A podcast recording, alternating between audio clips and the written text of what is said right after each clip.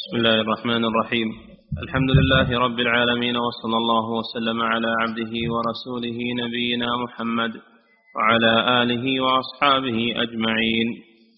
قال المؤلف رحمه الله تعالى الدليل الثامن عشر قوله تعالى ألم تر إلى الذين نافقوا يقولون لإخوانهم الذين كفروا من أهل الكتاب لئن أخرجتم لنخرجن معكم ولا نطيع فيكم أحدا أبدا.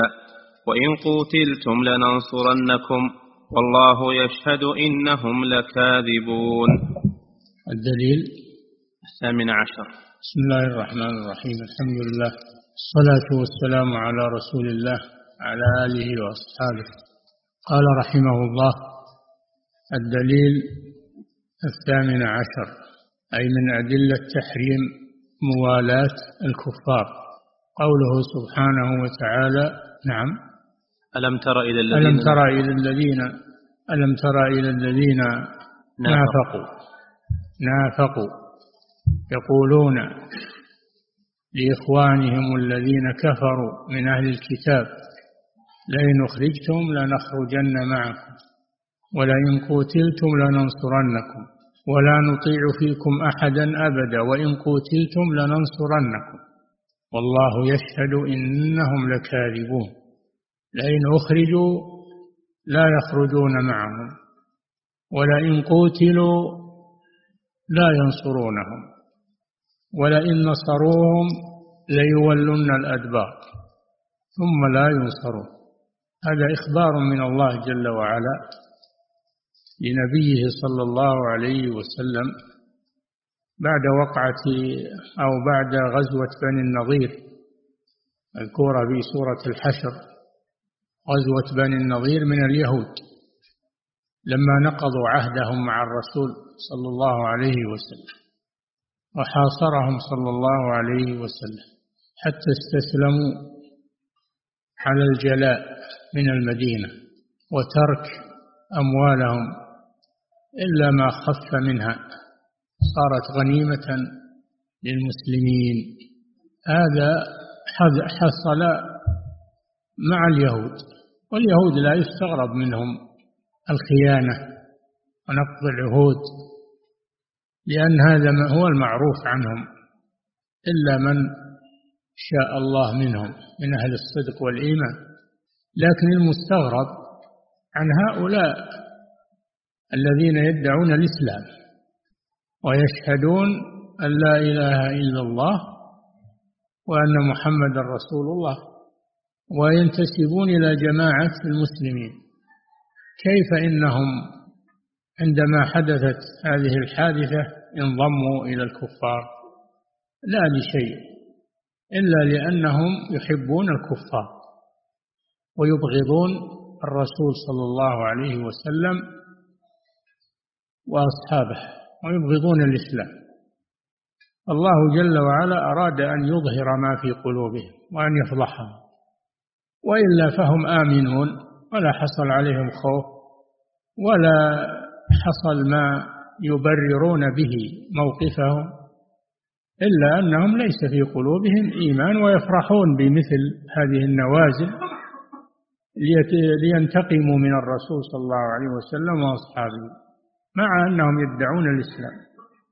وهكذا الحوادث تميز المؤمن الصادق في إيمانه من المنافق. ألم ترى أي قد رأيت يا رسول الله قد رأيت.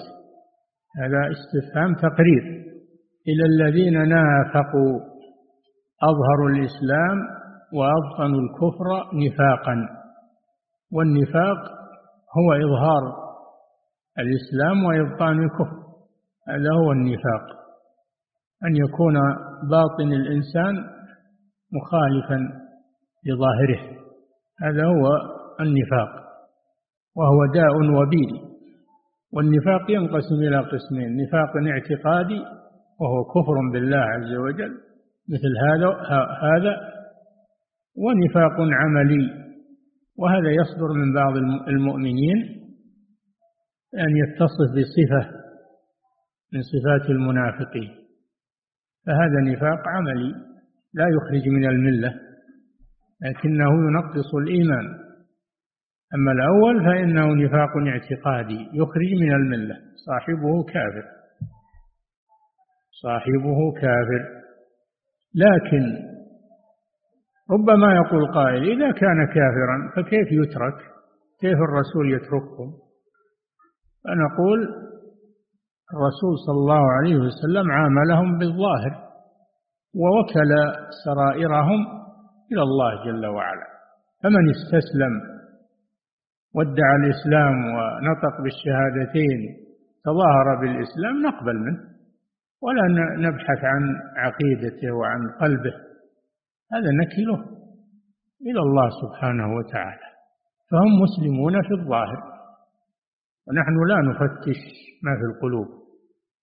ولهذا قال الذين نافقوا يعني يظهر الإسلام ويبطن الكفر وهو إسلام معيشي وليس إسلاما دينيا وإنما هو إسلام معيشي فقط. المنافق يسمى مسلما بحسب ظاهره. أما أنه مسلم في الباطن فهذا إلى الله جل وعلا. سمى مسلما يقولون لإخوانهم. إخوان سماهم إخوانهم سمى الكفار إخوانا لهم. هذا فيه أن من وعد الكفار بأنه يناصرهم وأنه يكون معهم يرتد لأن الله حكم عليهم بالكفر سماهم إخوانهم. يقولون لإخوانهم من إخوانهم؟ الذين كفروا. الذين كفروا من أهل الكتاب من اليهود. وقال من أهل الكتاب؟ لأنه ليس كل أهل الكتاب كفارا بل منهم مسلمون. وإن من أهل الكتاب لمن يؤمن بالله وما أنزل إليكم وما أنزل إليهم خاشعين لله. لا يشترون بآيات الله ثمنا قليلا. أولئك لهم أجرهم عند ربهم. إن الله سريع الحساب. وإنما بعض أهل الكتاب. فلا تقل إن أهل الكتاب كلهم كفار. قبل البعثة فيهم مسلمون فيهم مؤمنون صادقون. وبعد البعثة من استجاب للرسول صلى الله عليه وسلم واصل إسلامه وإيمانه ومن أبى أن يطيع الرسول كفر. صار كافرا. لأنه لا يقبل الله إلا دين الإسلام الذي جاء به الرسول صلى الله عليه وسلم. أما الدين السابق فقد انتهى ونسخ. يقولون لإخوانهم الذين كفروا من أهل الكتاب إما أنهم كفار من الأصل وعندهم كفريات أو أنهم كفروا لما بعث الرسول صلى الله عليه وسلم فلم يؤمنوا به. من أهل الكتاب. لئن أخرجتم لنخرجن معكم. وإن ولا نطيع فيكم أحدا أبدا. لا نطيع الرسول فيكم. لا نطيع فيكم أحدا أبدا. لا نطيع الرسول فيكم. لأنكم إخواننا خاصتنا. فلا نطيع رسول الله صلى الله عليه وسلم في شأنكم. اطمئنوا. لا نطيع فيكم أحدا أبدا لا الرسول ولا غير الرسول. تطمين للكفار. وإن قتلتم لننصر إن قاتلكم الرسول لننصرنكم لننصرنكم نكون معكم و نقاتل معكم. هذه وعود منهم. فكفروا بمجرد الوعود وهم لم يفعلوا.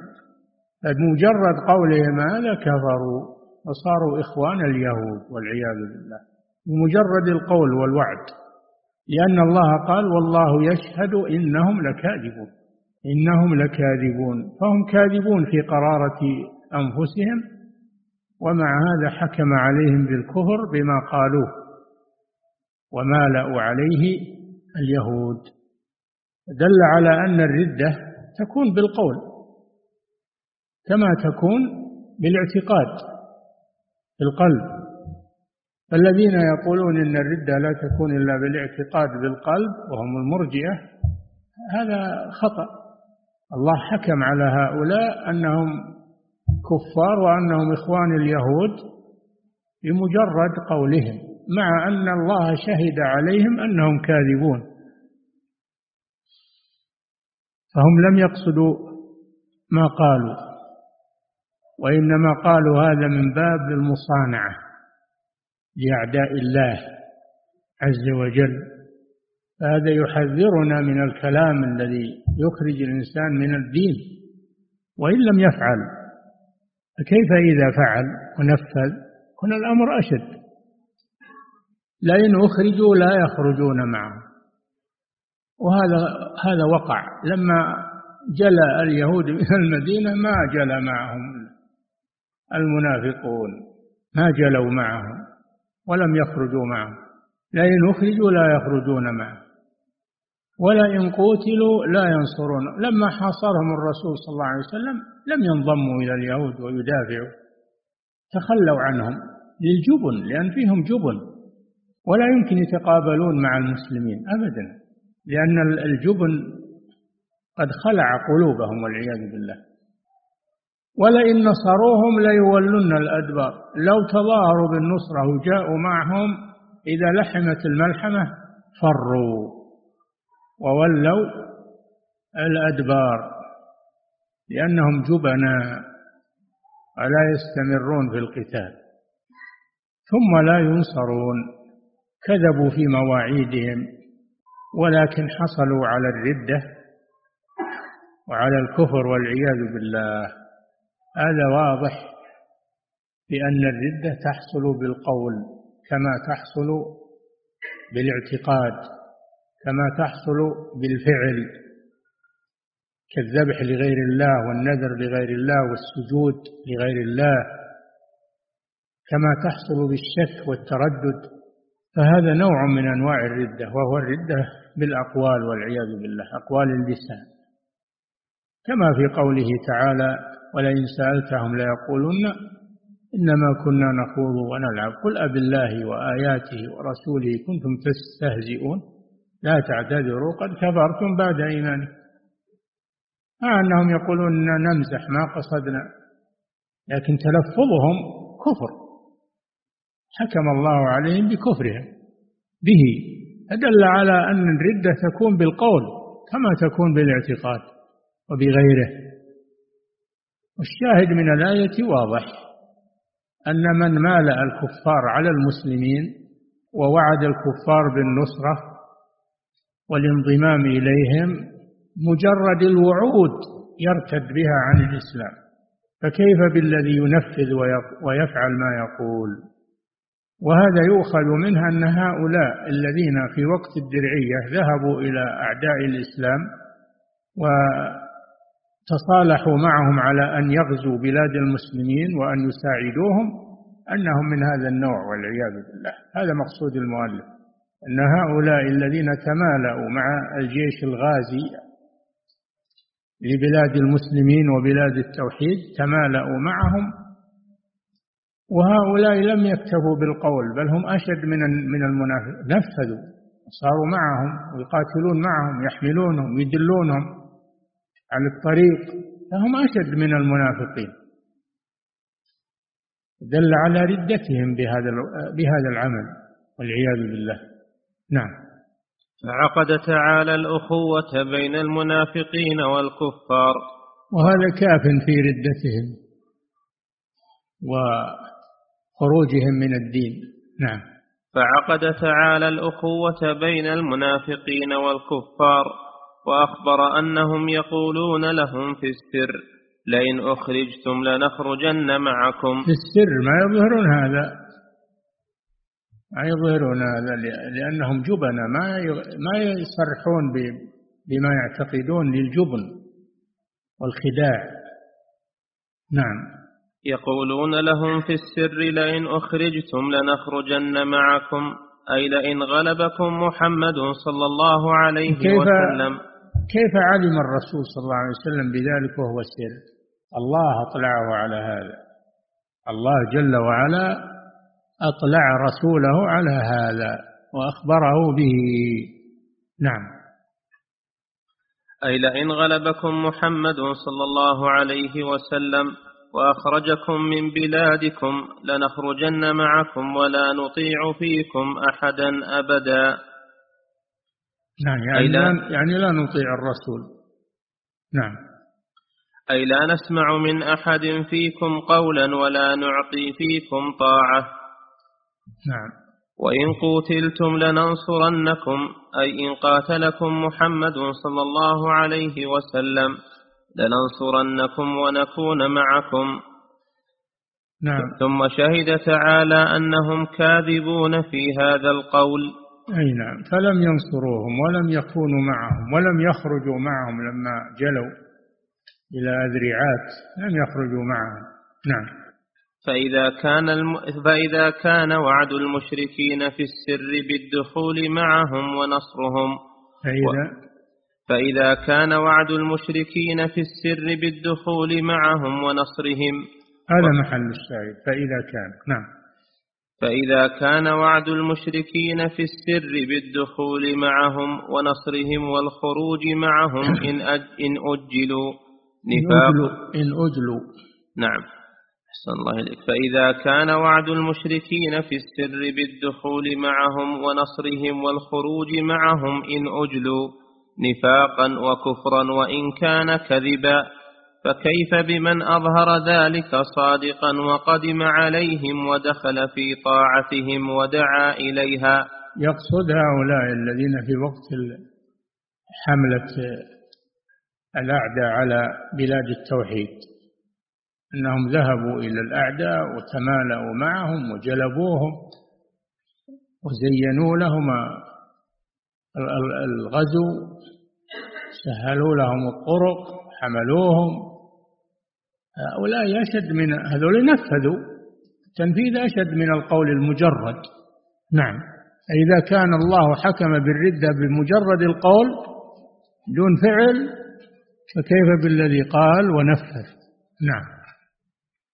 فإذا كان وعد المشركين في السر بالدخول معهم ونصرهم والخروج معهم إن أجلوا نفاقا وكفرا وإن كان كذبا فكيف بمن أظهر ذلك صدقا وقدم عليهم ودخل في طاعتهم ودعا إليها نعم. ونصرهم وانقاد لهم وصار من جملتهم وأعانهم بالمال والرأي. نعم. هذا مع أن المنافقين لم يفعلوا ذلك إلا خوفا من الدوائر. والخوف ما يبرر كما سبق مجرد الخوف.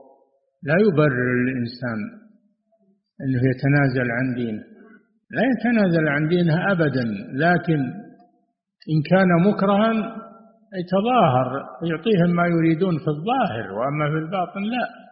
يبقى على دينه وعقيدته. والكفار ما يطلعون على القلب ما لهم تصرف في القلوب لكن ما لهم إلا الظاهر. يعطيهم ما طلبوا ظاهرا وهو على عقيدته. نعم.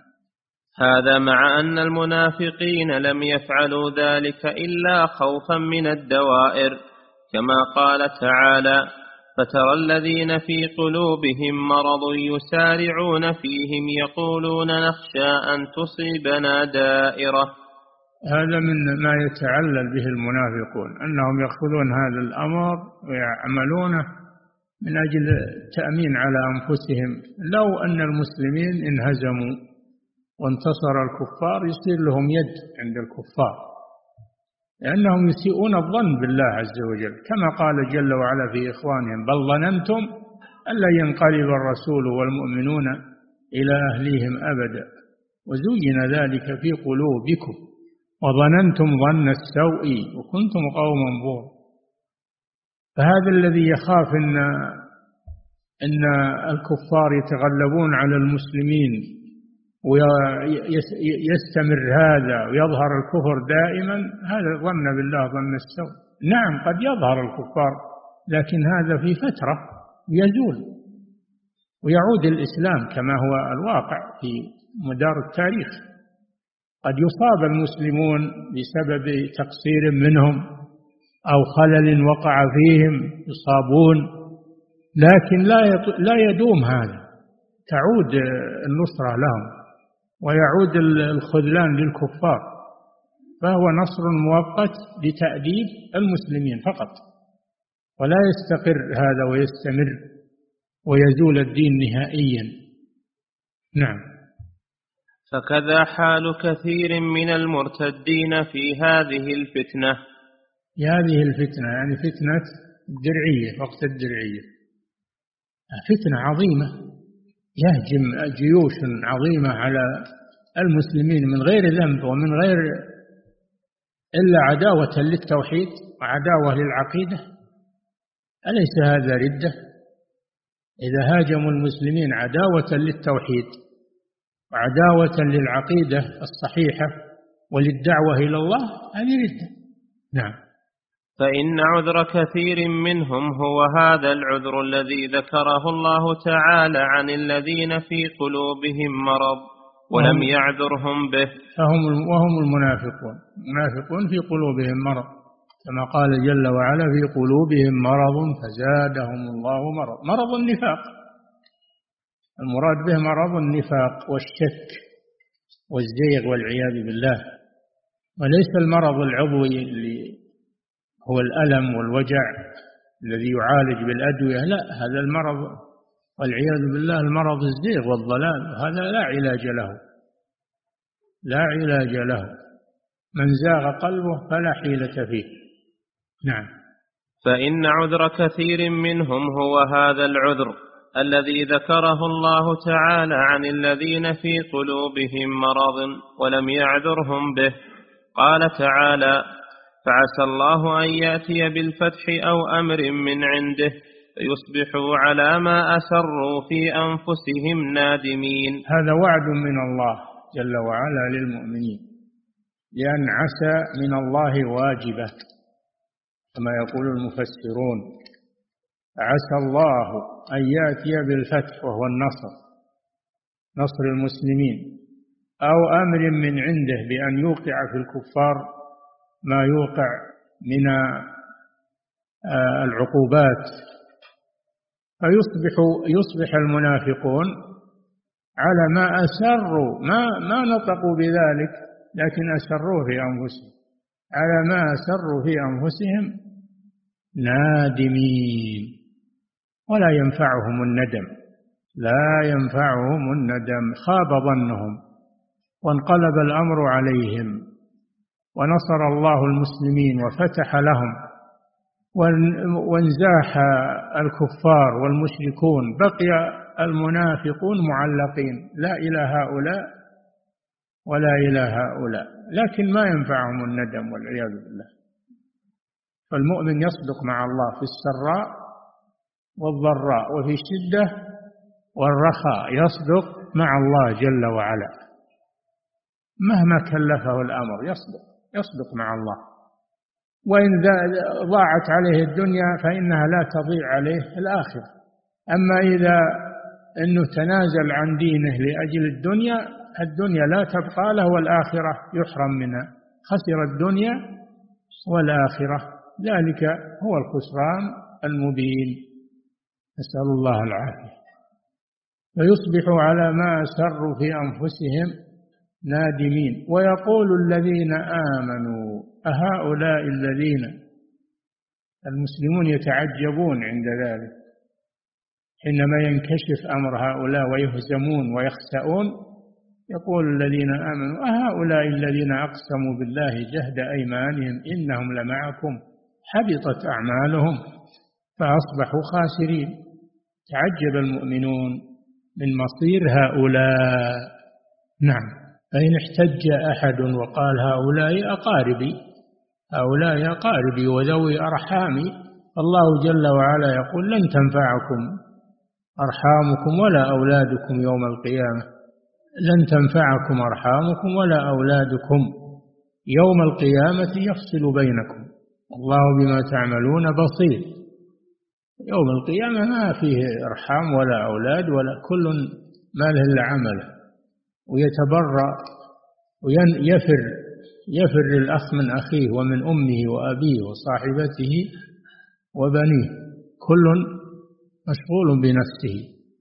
فإذا نفخ في الصور فلا أنساب فلا أنساب بينهم يومئذ ولا يتساءلون. مالك إلا عملك في الآخرة. ولا أحد يعطيك حسنة. وله ولو هو من أقرب الناس إليك.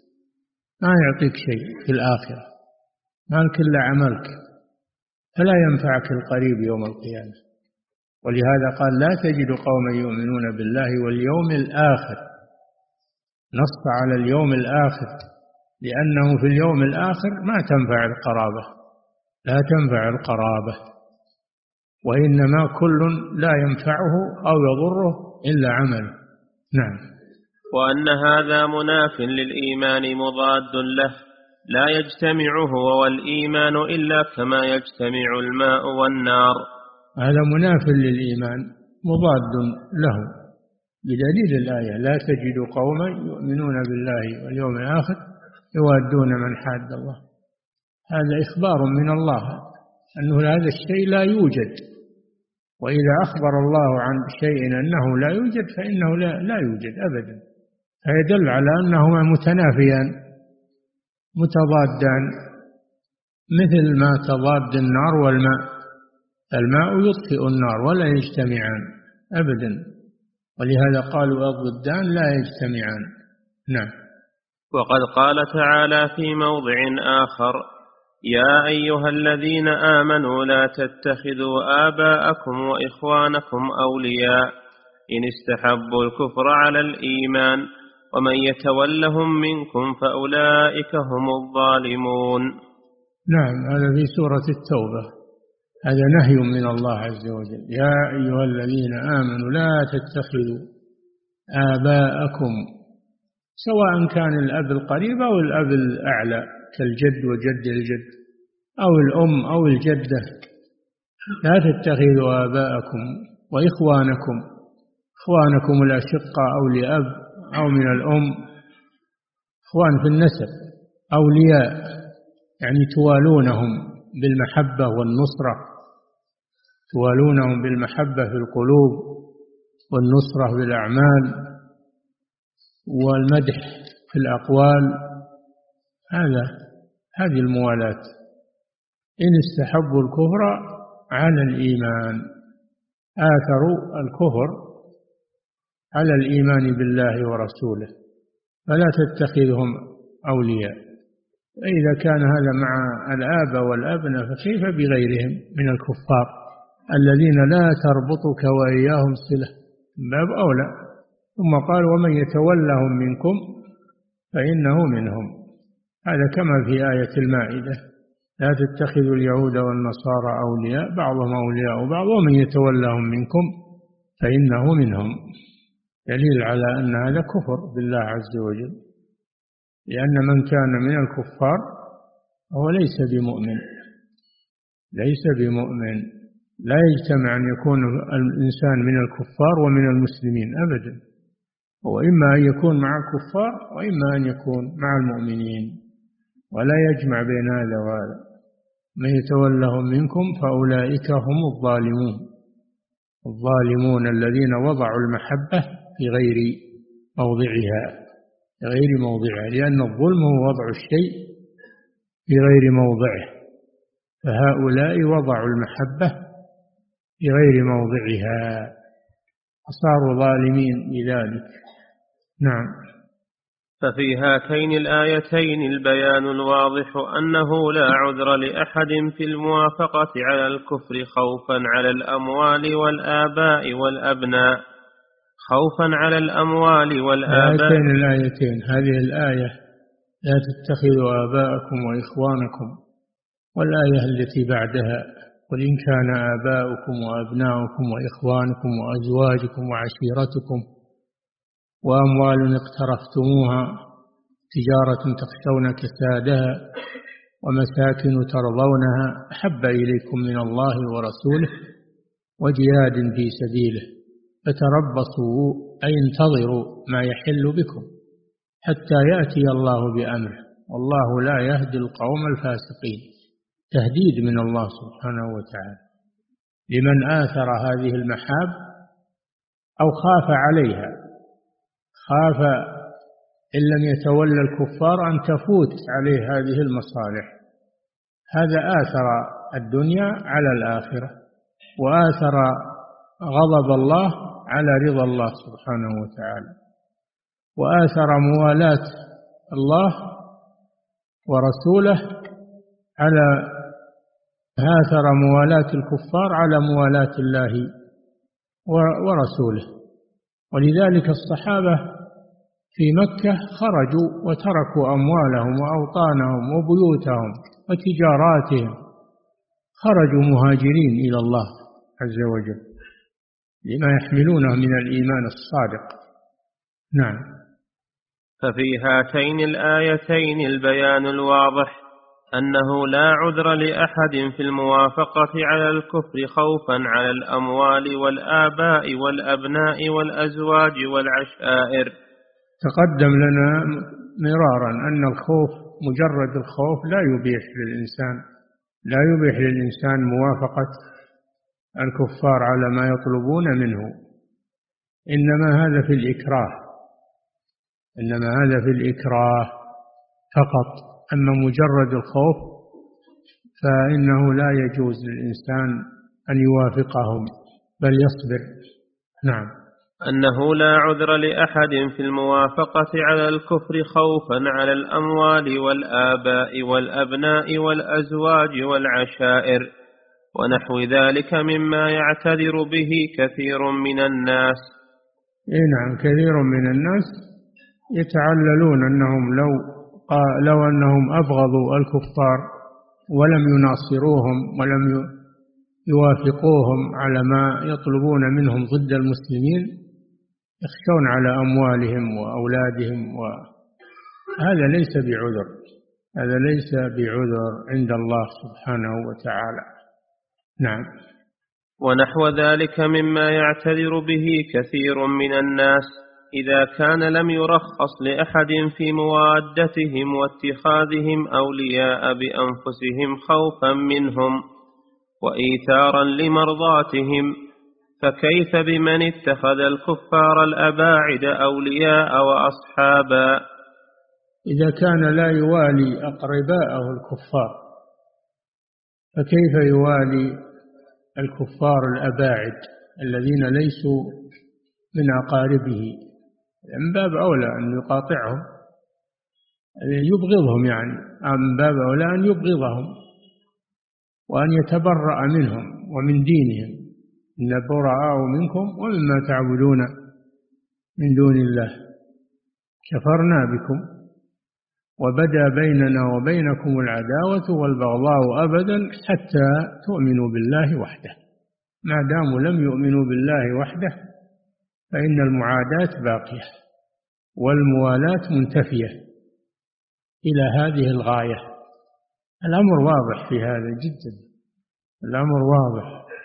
ولا يتعذر الإنسان بأنه يخاف على دنياه. أو حتى يخاف على أقاربه أو على تجارته. هذه كلها ليست أعذارا. كلها ليست أعذارا. نعم. إذا كان لم يرخص لأحد في موادتهم واتخاذهم أولياء بأنفسهم خوفا منهم وإيثارا لمرضاتهم فكيف بمن اتخذ الكفار الأباعد أولياء وأصحابا؟ نعم. وأظهر لهم الموافقة على دينهم خوفا على بعض هذه الأمور ومحبة لها. نعم. آثر آثر هذه الأمور آثر محبة هذه الأمور على محبة الله ورسوله وجهاد في سبيله. ترك هذه الأمور من أجل إرضاء الكفار. والنيل من دنياهم مع أن الكفار لا يرضون عنك ولا يحبونك. أبدا كفار يبغضون المؤمنين. ولهذا قال إن يثقفوكم يكونوا لكم أعداء ويبسطوا إليكم أيديهم وألسنتهم بالسوء. وودوا لو تكفرون الكفار لا يحبون المسلمين أبدا. مهما تودد إليهم المسلم فإنهم يبغضونه ولا يبادلونه المحبة. وهذا من العجائب كيف يحبهم وهم لا يحبونه؟ هؤلاء هؤلاء أنتم هؤلاء تحبونهم ولا يحبونكم؟ تحبونهم ولا يحبونكم؟ كيف تحب ناس لا يحبونك؟ من الغرائب. أنتم أولئك تحبونهم ولا يحبونكم وتؤمنون بالكتاب كله وإذا لقوكم قالوا آمنا وإذا خلوا عضوا عليكم الأنامل من الغيظ قل موتوا بغيظكم إن الله عليم بذات الصدور إن تمسسكم حسنة تسؤهم وإن تصبكم سيئة وإن إن تمسسكم حسنة تسؤهم وإن تصبكم سيئة يفرحوا بها وإن تصبروا وتتقوا لا يضركم كيدهم شيئا. إن تصبروا وتتقوا لا يضركم كيدهم شيئا. بعض الناس يخاف من كيدهم. الله جل وعلا يقول اصبر واتق ربك ولا تتقي الكفار. فإذا حصل منك الصبر والتقوى فإنهم لا يضرونك. لا يضركم كيدهم شيئا. إن الله بما يعملون محيط. نعم. وأظهر لهم الموافقة على دينهم خوفا على بعض هذه الأمور ومحبة لها. نعم. ومن العجب ومن العجب استحسانهم لذلك واستحلالهم له فجمعوا مع الردة استحلال الحرام. من العجب في في زمان الفتنة التي جرت على بلاد نجد أن ناسا من ممن كانوا يوالون أهل التوحيد ويظهرون لهم المحبة والموافقة. فلما جاء الهجوم والغزو على الموحدين انضموا إلى الأعداء. انضموا إلى الأعداء. فظهر ما كانوا يبطنونه ويسرونه من قبل. لو كان عندهم إيمان وصدق ما انضموا إلى أعداء الله ورسوله بل صبروا وثبتوا على دينهم وعلى عقيدتهم. نعم. الدليل العشرون. فيكونون جمعوا بين جريمتين مودة الكفار واستحلال الحرام. استحلال الحرام في أنهم استباحوا دماء المسلمين وأعانوا أعداءهم عليهم. نعم. الدليل العشرون. قوله تعالى يا أيها الذين آمنوا لا تتخذوا عدوي وعدوكم أولياء تلقون إليهم بالمودة وقد كفروا بما جاءكم من الحق يخرجون الرسول وإياكم أن تؤمنوا بالله ربكم إن كنتم خرجتم جهادا في سبيلي وابتغاء مرضاتي تسرون إليهم بالمودة وأنا أعلم بما أخفيتم وما أعلنتم ومن يفعله منكم فقد ضل سواء السبيل. نعم هذه حادثة حصلت يوم في غزوة الفتح في غزوة الفتح وذلك أن النبي صلى الله عليه وسلم خرج في رمضان. غازيا أهل مكة لما خانوا العهد الذي أبرموه مع النبي صلى الله عليه وسلم في الحديبية وناصروا أعداء الرسول وناصروا حلفاءهم على حلفاء الرسول صلى الله عليه وسلم. استقض بذلك عهدهم فغزاهم رسول الله صلى الله عليه وسلم وأخفى أخفى الأمر. ولم يبين أنه يريد غزو مكة. كتم الأمر جدا حتى يفجأهم في بلادهم. قدر أن أحد الصحابة رضي الله عنه اجتهد. اجتهد وكتب للكفار يخبرهم بمسير النبي صلى الله عليه وسلم من أجل أن تكون له يد عندهم لأن له أولاد في مكة وله أقارب في مكة.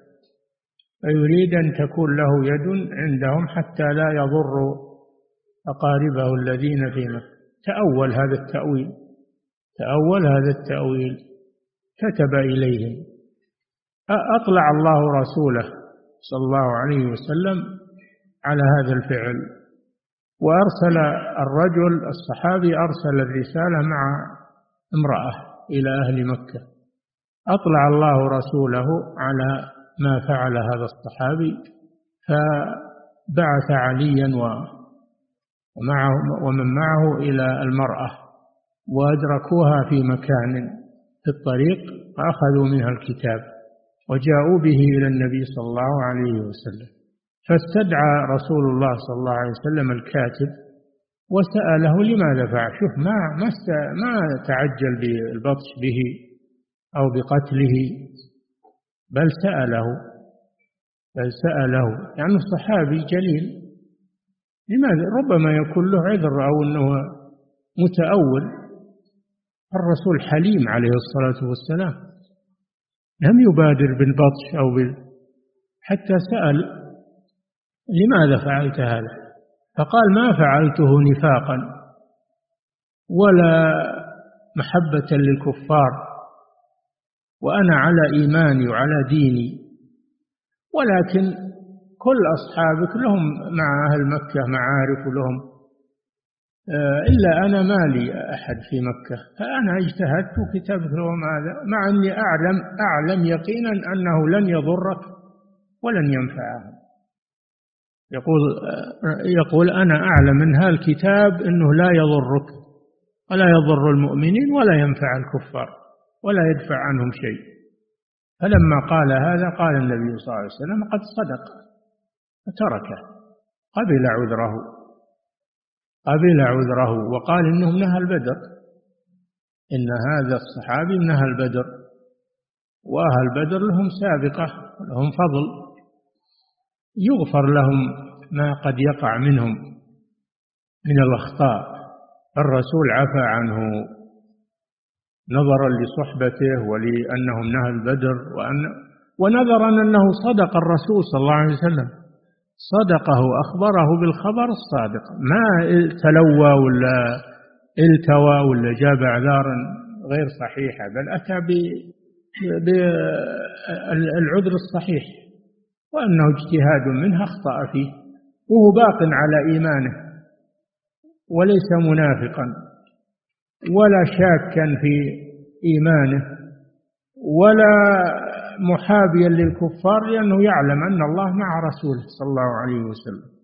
الرسول عفى عنه وأنزل الله هذه السورة سورة الممتحنة.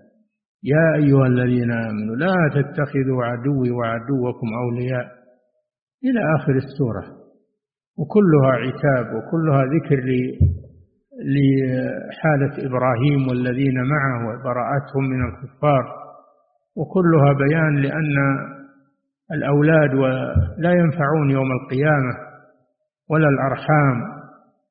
فهذا سبب النزول. لكن الآية عامة إلى أن تقوم الساعة. السورة عامة في هذا إلى أن تقوم الساعة. والعبرة بعموم اللفظ وانظر إلى قوله يا أيها الذين آمنوا لا تتخذوا عدوي فوصفه بالإيمان. وصف هذا الصحابي بالإيمان. فدل هذا على أن هذا الصحابي لم يتزعزع إيمانه ولا يقين بالله عز وجل. وقد صدق في قوله إني لم أفعله نفاقا ولا ولا. لأن الله قال يا أيها الذين آمنوا. نعم. فأخبر تعالى أن من تولى أعداء الله وإن كانوا أقربا فقد ضل سواء السبيل أي أخطأ الصراط المستقيم وخرج عنه إلى الضلالة. فأين هذا ممن يدعي أنه على الصراط المستقيم لم يخرج عنه؟ نعم يفعلون ما يفعلون مع الكفار من التودد والتملق وإظهار الطاعة لهم ويزعمون أن هذا لا يضرهم. والله جل وعلا يقول ومن يفعله منكم يعني من المؤمنين شوف خطاب للمؤمنين. ومن يفعله منكم أيها المؤمنون فقد ضل سواء السبيل أي السبيل السوي وهو الصراط المستقيم. هذا من أشد الوعيد على من فعل هذا. وهم يقولون إنما أخطأنا. إنما أخطأنا في هذا وهذا حلال وهذا وهذا مباح ويكذبون على الله ورسوله. لو أنهم اعترفوا وقالوا والله أخطأنا مثل ما فعل هذا الصحابي قالوا أخطأنا ونتوب إلى الله عز وجل. لكن يصرون يقولون لا هذا هو الصواب وهذه هي السياسة والحنكة. والإنسان يعيش مع الناس ويدبر حاله مع الناس. هذا هذا هذا عذرهم وكلامهم ولا يعترفون ولا يتوبون. يقولون نحن على صواب. أنتم اللي مخطئون وأنتم اللي متشددين إلى آخر ما يقولون من من النعوت التي تنطبق عليهم هم. فهذا أشد من فعلهم. كونهم يصرون ويصوبون أنفسهم ويعارضون الآيات هذا أشد من فعلهم. نعم. فأين هذا ممن يدعي أنه على الصراط المستقيم لم يخرج عنه فإن هذا تكذيب لله إي نعم لأنه يقول أنا على الصراط ولا أخطأت. والله جل وعلا يقول فقد ضل ضل سواء السبيل. نعم. فإن هذا تكذيب لله ومن كذب الله فهو كافر. نعم. إذا وصل بهم الحال إلى أنهم يبررون أفعالهم يقولون هذا الشيء مباح ولا أخطأنا.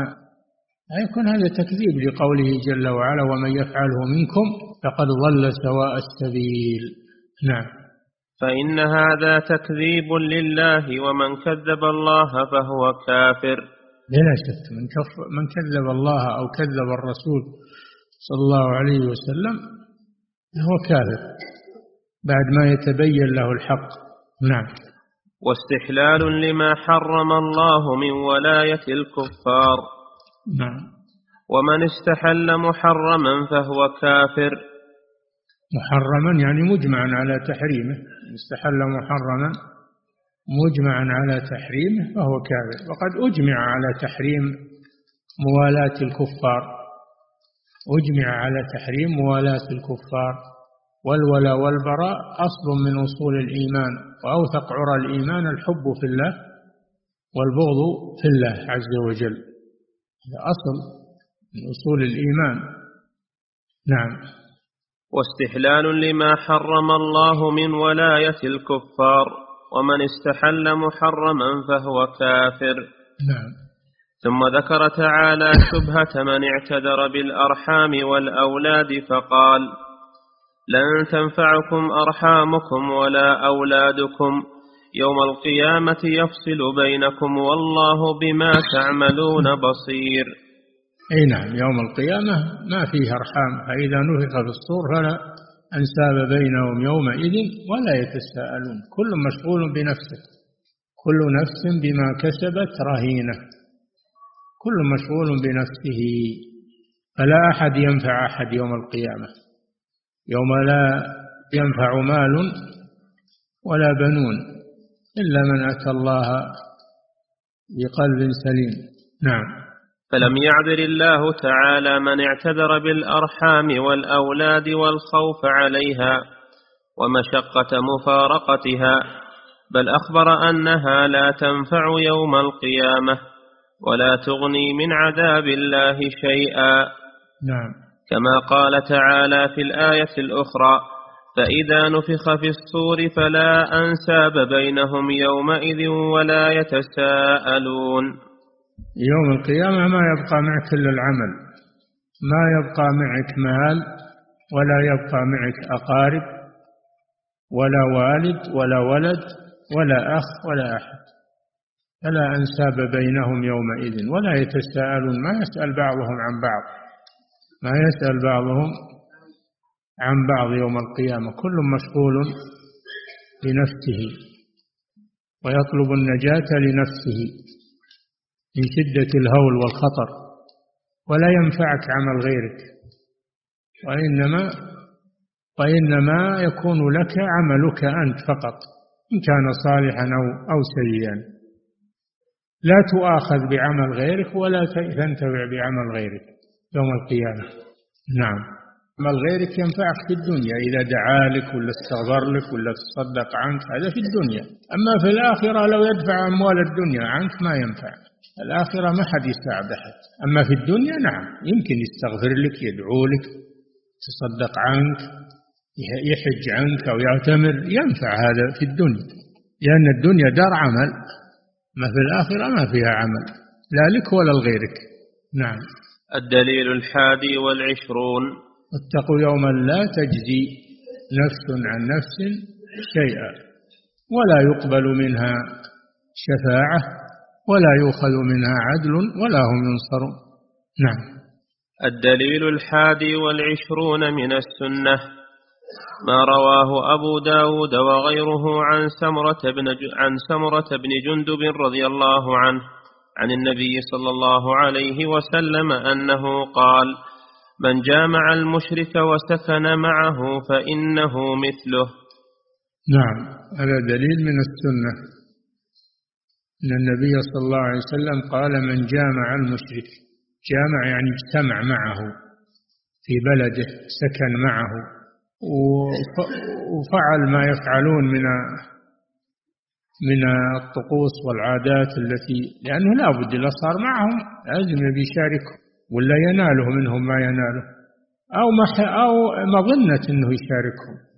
حتى لو تمنع في الأول فهو ينساح معهم في النهاية ويفعل ما يفعلون. أو أولاده ينشأون على هذا ويستسهلونه. ولذلك يؤمر المسلم بالهجرة. فرارا بدينه إذا قدر عليها يؤمر بها ومن لم يهاجر مع القدرة فقد توعده الله. توعده الله بالوعيد الشديد. إن الذين توفاهم الملائكة ظالمي أنفسهم. قالوا فيما كنتم؟ قالوا كنا مستضعفين في الأرض. قالوا ألم تكن أرض الله واسعة فتهاجروا فيها؟ فأولئك مأواهم جهنم وساءت مصيرا. إلا المستضعفين. من الرجال والنساء والولدان لا يستطيعون حيلة ولا يهتدون سبيلا فأولئك عسى الله أن يعفو عنهم مع تمسكهم بدينهم وإظهارهم لدينهم مع فإذا كانوا عاجزين وهم متمسكون بدينهم وعقيدتهم عسى الله أن يعفو عنهم. نظرا لعذرهم لا يجوز للمسلم أنه يقيم في بلاد الكفار اختيارا. وهو يقدر على الهجرة. فإن تأخر فهو متوعد بالوعيد. في قوله فأولئك مأواهم جهنم وساءت مصيرا وفي قوله قل إن كان آباؤكم وأبناؤكم. إلى آخر الآية من سورة التوبة. الذي يترك الهجرة لأجل هذه الأشياء هذا يكون هذه الأشياء أحب إليه من الله ورسوله.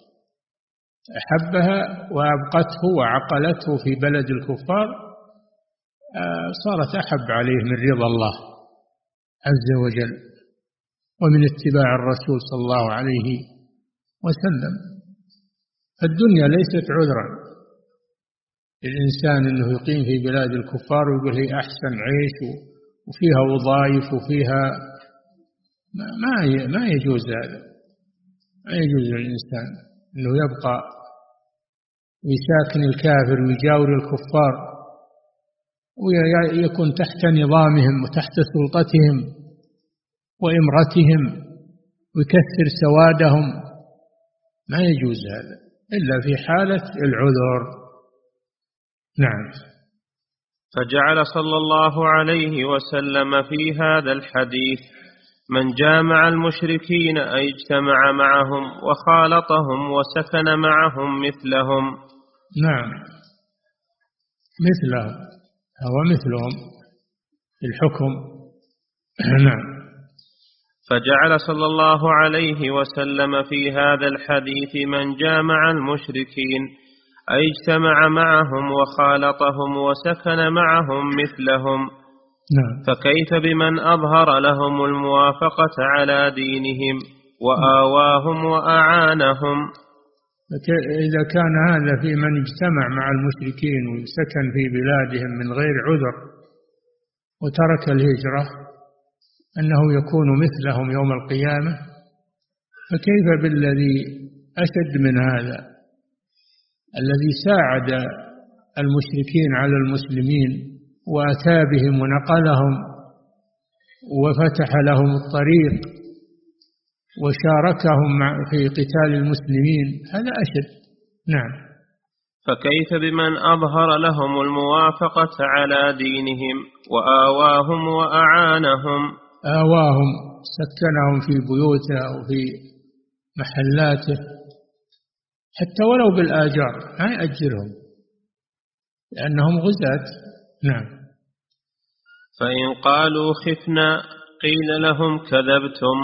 الخوف ليس بعذر. أول شيء أن الخوف ليس بعذر. لو كان صحيحا فكيف وهذا الخوف متوهم؟ هذا الخوف متوهم. نعم. فإن قالوا خفنا قيل لهم كذبتم. وأيضا فليس الخوف وأيضا فليس الخوف بعذر كما قال تعالى ومن الناس من يقول آمنا بالله فإذا أوذي في الله جعل فتنة الناس كعذاب الله. نعم. من الناس من يقول آمنا بالله ألا في حال السعة يظهر الإيمان. فإذا جاءت الفتنة والابتلاء والامتحان جعل فتنة الناس كعذاب الله ففر من الفتنة إلى ما هو أشد منها وهو عذاب الله عز وجل. كونه يصبر على الفتنة مدة يسيرة وتنقضي أو أنه يروح الجهنم ويخلد فيها أيهما شد جعل فتنة الناس كعذاب الله. نعم فتنة الناس ينالوا منها مشقة وأذى وألم لكن يصبر على دينه. يصبر على دينه وهي فترة وجيزة وتنجلي. لكن عذاب الآخرة لا ينجلي ولا يزول. نعم. فإذا, فإذا مسك ضر من الكفار فتذكر الضر اللي يمسك من النار وهو أشد. فتصبر على دينك. نعم. فلم يعذر تبارك وتعالى من يرجع عن دينه عند الأذى والخوف. فكيف؟ نعم بل يصبر على ذلك. نعم. فكيف بمن لم يصبه أذى ولا خوف؟ بل هو تلقاهم. قبل يجي هذا وقبل يجي خوف لما سمع انهم إنهم مزبلين أو إنهم يعزمون على الهجوم على المسلمين راح يتلقاهم ويساعدهم ويشرح لهم الطرق وأسرار المسلمين. نعم. فلم يعذر تبارك وتعالى من يرجع عن دينه عند الأذى والخوف فكيف بمن لم يصبه أذى ولا خوف؟ وإنما جاءوا إلى الباطل محبة له وخوفا من الدوائر. كما قال المنافقون نخشى أن تصيبنا دائرة. ترى الذين في قلوبهم مرض يسارعون فيهم يعني في الكفار يسابقون إلى مودة الكفار. وإرضاء الكفار يقولون نخشى أن تصيبنا دائرة. تصير الدائرة على المسلمين وينتصر الكفار؟ إلى أن محطين يد, يد مع الكفار. هذا حنكتهم وسياستهم. البائرة.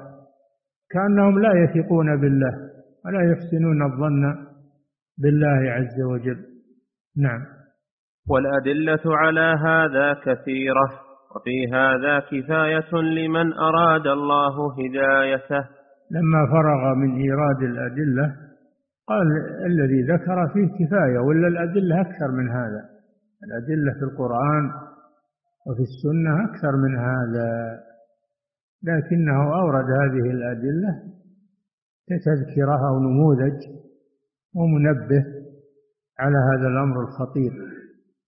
هذه ينتفع بها أهل الإيمان وأما أهل النفاق وأهل الزيغ فلن تنفع فيهم أبدا لأن الزائر والمنحرف صاحب الهوى ما تثنيه عن هواه ولا ترد عن ضلاله لأنه عصى الله على بصيرة لم يعص الله عن جهل حتى يقبل النصيحة عصى الله على بصيرة وقد يكون من من العلماء وعنده أكثر مما عندك. لكنه عالم ضلال هذا ما تستطيع أنك أنك ترد. نعم. وأما من أراد الله فتنته وضلالته فكما قال تعالى إن الذين حقت عليهم كلمة ربك لا يؤمنون. ولو جاءتهم كل آية حتى يروا العذاب الأليم. الذين قدر عليهم الزيغ والضلال كتب عليهم ذلك في اللوح المحفوظ ما تستطيع تردهم. ولماذا كتب عليهم؟ بسبب أفعالهم. الله جل وعلا كتب عليهم الزيغ والضلال بسبب ما سيفعلونه وما يقومون به من الانحراف عن تعمد وعن عناد. وعن كراهية للحق. نعم. ونسأل الله الكريم المنان أن يحيينا مسلمين وأن يتوفانا مسلمين وأن يلحقنا بالصالحين غير خزايا ولا مفتونين برحمته وهو أرحم الراحمين. وصلى الله على محمد وعلى آله وصحبه وسلم آمين. رحمه الله وعفى عنه وجزاه عن الإسلام والمسلمين خير الجزاء. ونعود إلى ما بدأنا به من أن من أن معاداة الكفار وبغض الكفار لا يجيز التعدي عليهم بغير حق. يقال هؤلاء كفار. لا. قال تعالى ولا يجرمنكم شنآن قوم على ألا تعدلوا. اعدلوا هو أقرب للتقوى. فلا يجوز الظلم لا في حق مسلم ولا في حق كافر ما يجوز. وأما جهادهم وقتالهم في سبيل الله فهذا ليس ظلما لهم وإنما هو من صالحهم. هذا من صالحهم لأجل إنقاذهم من النار إلى الجنة لأنه بالجهاد يكون سببا لرجوعهم إلى الحق. وقبولهم للحق وإخراجهم من الظلمات إلى النور. فالقتال لمصلحتهم هم وإنقاذا لهم ولغيرهم ممن هم تحت وطأة الكفار والذين يصدون عن سبيل الله عز وجل. لا يجوز التعدي عليهم ولا يجوز قتلهم إلا في إلا في الجهاد في سبيل الله تحت راية. تحت راية الجهاد. أما أن كل واحد يشهر سلاحه على الكافر ويقتله وقد يكون معاهدا أو يكون مستأمنا أو يكون آه، ذميا. فإنه لا يجوز هذا. أو حتى لو ليس له عهد وليس له أمان وليس له ذمة ما يجوز التعدي عليه لأن هذا يجر على المسلمين شرا. ويفتح على المسلمين باب شر. إنما يجوز قتالهم تحت راية تحت راية الجهاد بعد دعوتهم إلى الله عز وجل. بعد الدعوة إلى الله بعد ما نقاتلهم ابتداء حتى ندعوهم ونعرض عليهم الإسلام. المسألة لها ضوابط. أو كل كافر اقتله خذ ماله. ماله ما يؤخذ أيضا ولا يعتدى عليه. إنما يؤخذ في الجهاد غنيمة في الغنيمة في المعركة. أما أنك تأخذ مال الكافر وتقول هذا كافر وحلال الدم والمال نعم حلال الدم والمال بالجهاد. حلال الدم والمال بالجهاد في سبيل الله. أما بدون جهاد فلا يجوز هذا أبدا. وهذا فيه تجنن على الإسلام وعلى المسلمين. وفيه سبب شر إن الكفار ينتقمون من المسلمين وليس عند المسلمين قوة ولا استعداد. كما هو الحاصل. يجب أن نعلم هذا وأن ننشر هذا على شبابنا وعلى المغرر بهم أنه هناك فرق بين معاداة الكفار وبغض الكفار وبين ظلمهم والاعتداء عليهم بغير حق. هذا لا يجوز. وهذا يجر على المسلمين شرا. على كل حال الحمد لله يعني أتينا على آخر هذه الرسالة وتكون القراءة في الدرس القادم إن شاء الله في في شرح السنة للبربهاري. نعم. أحسن الله إليكم صاحب الفضيلة. وجزاكم الله خيرا ونفع بكم. هذه أسئلة كثيرة. أعرض على فضيلتكم ما تيسر منها.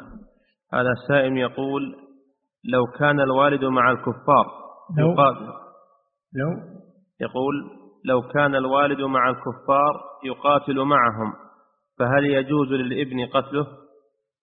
نعم هو قيل إن سبب نزول قوله تعالى لا تجد قوما يؤمنون بالله واليوم الآخر إنها نزلت في أبي عبيدة بن الجراح رضي الله عنه لما قتل أباه في بدر. أبوه مع الكفار يقاتل المسلمين فقتله ابنه أبو عبيدة بن الجراح. فنزلت هذه الآية. نعم. أحسن الله إليكم صاحب الفضيلة. وهذا سائل يقول في قوله تعالى لا تجد قوما يؤمنون بالله واليوم الآخر. الآية هل صحيح أنها نزلت في غزوة بدر لما قتل الصحابة رضي الله عنهم بعض أقاربهم؟ نعم كما ذكرت لكم. نعم. أحسن الله إليكم صاحب الفضيلة. هذا السائل يقول هل نفي الإيمان عمن يوالي من حاد الله ورسوله في قوله لا تجد قوما؟ نفي لأصل الإيمان أم نفي لكماله الواجب؟ أنا بينت لكم هذا سابقا وقلت الموالاة قد تكون كفرا. وقد تكون كبيرة من كبائر الذنوب. قد تكون ذنبا من الذنوب بحسب مواقعها ومواردها. ليس كل موالاة كفر وليس كل موالاة تكون غير كفر بل لابد من التفصيل في هذا. نعم. أحسن الله إليكم صاحب الفضيلة وهذا السائل يقول هل تجوز مصافحة الكافر النصراني إذا كان جالسا مع مجموعة من المسلمين فقد قمت بمصافحتهم عند الدخول إلى مكانهم؟ أم أقتصر المصافحة على المسلمين فقط؟ إذا مد يده إليك فصافح. هذا اللي يظهر لي. إذا مد هو يده إليك فصافحه. لقوله صلى الله عليه وسلم لا تبدأوا اليهود والنصارى بالسلام وإذا سلموا عليكم فقولوا وعليكم. نعم. أحسن الله إليكم صاحب الفضيلة وهذا سائل يقول ما هي المعاملة مع الكافرين؟ إذا كنت أعيش معهم ومتى تكون المعاملة معهم مودة لهم؟ أنت ليش تعيش معهم؟ إذا كنت تقدر على أن تخرج بدينك تعيش مع المسلمين فإن هذا يجب عليك. إذا كنت ما تقدر فأنت تبقى بقدر الضرورة مع تمسكك بدينك. مع تمسكك بدينك. نعم. سأل الله إليكم صاحب الفضيلة وهذا السائل يقول ما نصيحتكم لمن حصلت له بعثة إلى الخارج إلى أحد بلاد الكفار للدراسة عندهم؟ وهل يشمله حديث من جامع المشركين فإنه مثلهم؟ هذا سبق الكلام فيه أن يجوز السفر إلى بلاد هذا السفر ما هو ما هو بسكنة. هذا السفر إلى بلاد المشركين لغرض التعلم. تعلم شيء لا يوجد عند المسلمين وهم بحاجة إليه مثل الطب مثل آه، أمور الأسلحة التدرب على الأسلحة الأشياء التي هم يحسنونها ونحن بحاجة إليها. فيجوز للإنسان يسافر من أجل أن يتعلمها ليقوم بها عند المسلمين. فهذا من يباح بشرط أن يتمسك بدينه. أما المجامعة فمعناها السكنة. السكنة والاستقرار عندهم. أما مجرد مار لحاجة أو لغرض أو لدراسة مؤقتة فهذا لا يعتبر مجامعة ولا سكنة نعم.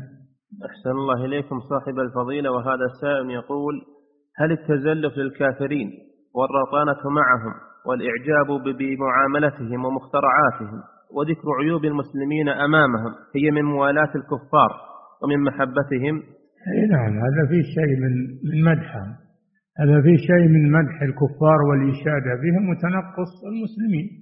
هذا أمر لا يجوز. هذا أقل أحواله الكفر أقل أحواله أنه ذنب ومعصية. وإن كان ظاهره الكفر. نعم. أحسن الله إليكم صاحب الفضيلة. وهذا السائل يقول هل هناك شروط لازمة لنا لكي لا نشابه الكفار؟ علما بأن لباسهم مثل لباسنا. أصل اللباس هذا مشترك بين المسلمين والكفار لكن ما ما نخيط الثوب على صفة ثوب الكفار نخيطه على صفة ثياب المسلمين وما يلبسه المسلمون. نعم. أحسن الله إليكم صاحب الفضيلة. وهذا السائل يقول ما حكم من يستقدم العمالة غير المسلمة إلى هذه البلاد ولا يدعوهم إلى الإسلام وإنما يطلقهم؟ وكذلك من يجلب اللاعبين غير المسلمين بالمبالغ الباهظة ويعظمهم ويقدرهم ويسلم على رؤوسهم عندما يفوزون. هذا كله لا يجوز هذا كله لا يجوز. استخدام الكفار مع وجود مسلمين يقومون بالعمل واجب على أصحاب الأعمال أن يستخدموا المسلمين الذين يحسنون العمل. إذا كان المسلم لا يحسن العمل واستجلبت كافر لعمل لأداء عمل فقط مؤقت ويرجع فهذا يباح عند الحاجة. هذا ما في مسلم يغني عنه. وأنت بحاجة إلى هذا العمل. نعم. أحسن الله إليكم صاحب الفضيلة. وهذا سائل يقول هل في قوله تعالى يا أيها الذين آمنوا لا تتخذوا عدوي وعدوكم أولياء تلقون إليهم؟ الآية هل فيها الحكم على من تولى الكافر لدنياه؟ لا لدينه بأنه مؤمن لأن الله ناداهم باسم الإيمان. لا ما يجوز هذا لكن الله عذر هذا الصحابي بما صدق فيه من من من بيان الدافع له على مكاتبته الكفار أنه ليس محبة لهم ولا بغضا للرسول صلى الله عليه وسلم ولا شكا في أن الله سينصر رسوله وله نفاق. فهو بين عذره رضي الله عنه عذره النبي صلى الله عليه وسلم. ولا يجوز لأحد أن أن يذم هذا الصحابي أو مثل ما يفعل بعض الجهال. حتى أن بعضهم يقول هذه ردة وأنه ارتد والعياذ بالله. هذا لا يجوز. نعم. الله يعذره والرسول صلى الله عليه وسلم يعذره. وأنت تقول إنه مرتد أو إنه نعم. أو إنه منافق نفاق أكبر. نعم. أحسن الله إليكم صاحب الفضيلة. وهذا سائل يقول أنا لي أقارب من النصارى وإذا كلمتهم دائما يقولون لي إنهم يحبونني. هل يجوز لي أن أرد عليه بنفس القول أني أحبهم؟ لكن ليس الحب الشرعي وإنما الحب الطبيعي؟ لا لا لا تقول إني أحبكم لا تقول لهم إني أحبكم أبدا. نعم. قل لهم إذا كنتم تحبوني فأسلموا. أنا أحب لكم الإسلام. أنا أحب لكم الإسلام والنجاة من النار. نعم. أحسن الله إليكم صاحب الفضيلة. هذا السائل يقول لقد تكرر في كلام الشيخ كثيرا قوله أهل الإشراك. من يقصد بهم؟ أيريد بهم الجيوش الغازية؟ يقصد بهم اللي صرح بأن عندهم القباب والمعابد الشركية على القبور ويقرونها أو يبنونها حتى يبنونها ويقرونها. نعم. أحسن الله إليكم صاحب الفضيلة. هذا السائل يقول من مات في بلاد الكفار هل يبعث يوم القيامة مع الكفار؟ الله أعلم بنيته وبعذره. الله أعلم. نعم. لكن إن كان مقيما مختارا مقيما عندهم مختارا مؤثرا لدنياهم على بلاد المسلمين فهذا عليه خطر عليه خطر إنه يبعث معهم. نعم. أحسن الله إليكم صاحب الفضيلة وهذا السائل يقول هل زيارة المسلم لجاره الكافر في حال مرضه وأفراحه وتهنئته بأعياده يعتبر من الموادة للكفار؟ أما التهنئة بالأعياد لا يجوز هذا لا يجوز إقرارهم عليها ولا مشاركتهم فيها ولا الهدية لهم ولا تأجيرهم محل يقيمون فيه الحفل ولا أكل طعامهم الذي يصنعونه في هذا الحفل لا يجوز. مسلم يبتعد عن أعيادهم يبتعد عن أعيادهم. إيش بقية السؤال؟ والتعزية؟ نعم. زيارتهم حال مرضهم. الزيارة حال المرض إذا كان القصد منها الدعوة إلى الله لعله يقبل الإسلام ويموت على الإسلام فرصة طيبة. النبي صلى الله عليه وسلم زار اليهودي ودعاه إلى الإسلام فأسلم وهو على فراش الموت ومات مسلما. وزار عمه أبا طالب وعرض عليه الإسلام وقال له قل لا إله إلا الله فإذا كان الغرض من زيارة المريض الكافر دعوته إلى الإسلام هذا شيء طيب. نعم. أحسن الله إليكم صاحب الفضيلة وهذا السائل يقول في قوله تعالى لا ينهاكم الله عن الذين لم يقاتلوكم في الدين ولم يخرجوكم من ديارهم أن تبروهم. الآية هل هذه الآية عامة في الكفار جميعا أم أنها خاصة بالكافر الذي عندنا وعنده قرابة؟ هذه كما قال الله الذين لم يقاتلوكم في الدين ولم يخرجوكم من دياركم. هذه عامة في كل من اتصف بهذه الصفة أنه لا يقاتل المسلمين ولا يخرج المسلمين من ديارهم ويجليهم من بلادهم كما هي حال الكفار الآن. اللي يجلون المسلمين من ديارهم وبيوتهم فإذا كان الكافر بهذه الصفة يحسن إليه في الدنيا. أما المحبة في القلب لا ما يود ما دام على الكفر لكن يكافى على جميله كفه شر عن المسلمين. نعم. أحسن الله إليكم صاحب الفضيلة وهذا سؤال قد تكرر وفيه يرجون من فضيلتكم أن تبينوا لهم الفرق بين المداراة والمداهنة. ليضبطوا الفرق بينهما. المداراة أن تدفع الخطر عن نفسك بالدنيا بشيء من الدنيا تعطيهم شيئا من الدنيا تدفع به الخطر عن نفسك وعن إخوانك المسلمين. هذه المداراة. وأما المداهنة فهي أن تعطيهم شيئا من دينك لأجل أن تنال من دنياهم. وبالاختصار إذا جعلت الدين فداء للدنيا فهذه مداهنة. إذا جعلت الدنيا فداء للدين هذه مداراة نعم. أحسن الله إليكم صاحب الفضيلة. وهذا سائل يقول في بعض الشركات يكون هناك عامل مسلم وآخر غير مسلم والعامل غير المسلم يكون أنشط في عمله وأفضل من العامل المسلم بكثير. فهل يجوز أن نفضل العامل غير المسلم على العامل المسلم؟ وما حكم الابتسامة في وجهه؟ هذا يا أخي أجرة في مقابل عمل. تعطي الكافر في مقابل عمله وتعطي المسلم في مقابل عمله. فإذا كان عمل الكافر أجود تعطيه أجرة أكثر مقابل عمل. وعمل المسلم أقل تعطيه أجرة أقل على حسب عمله. ليس هذا من باب محبة الكافر وإنما هو من باب العدل. ولا يجرمنكم شنآن قوم على ألا تعدلوا. نعم.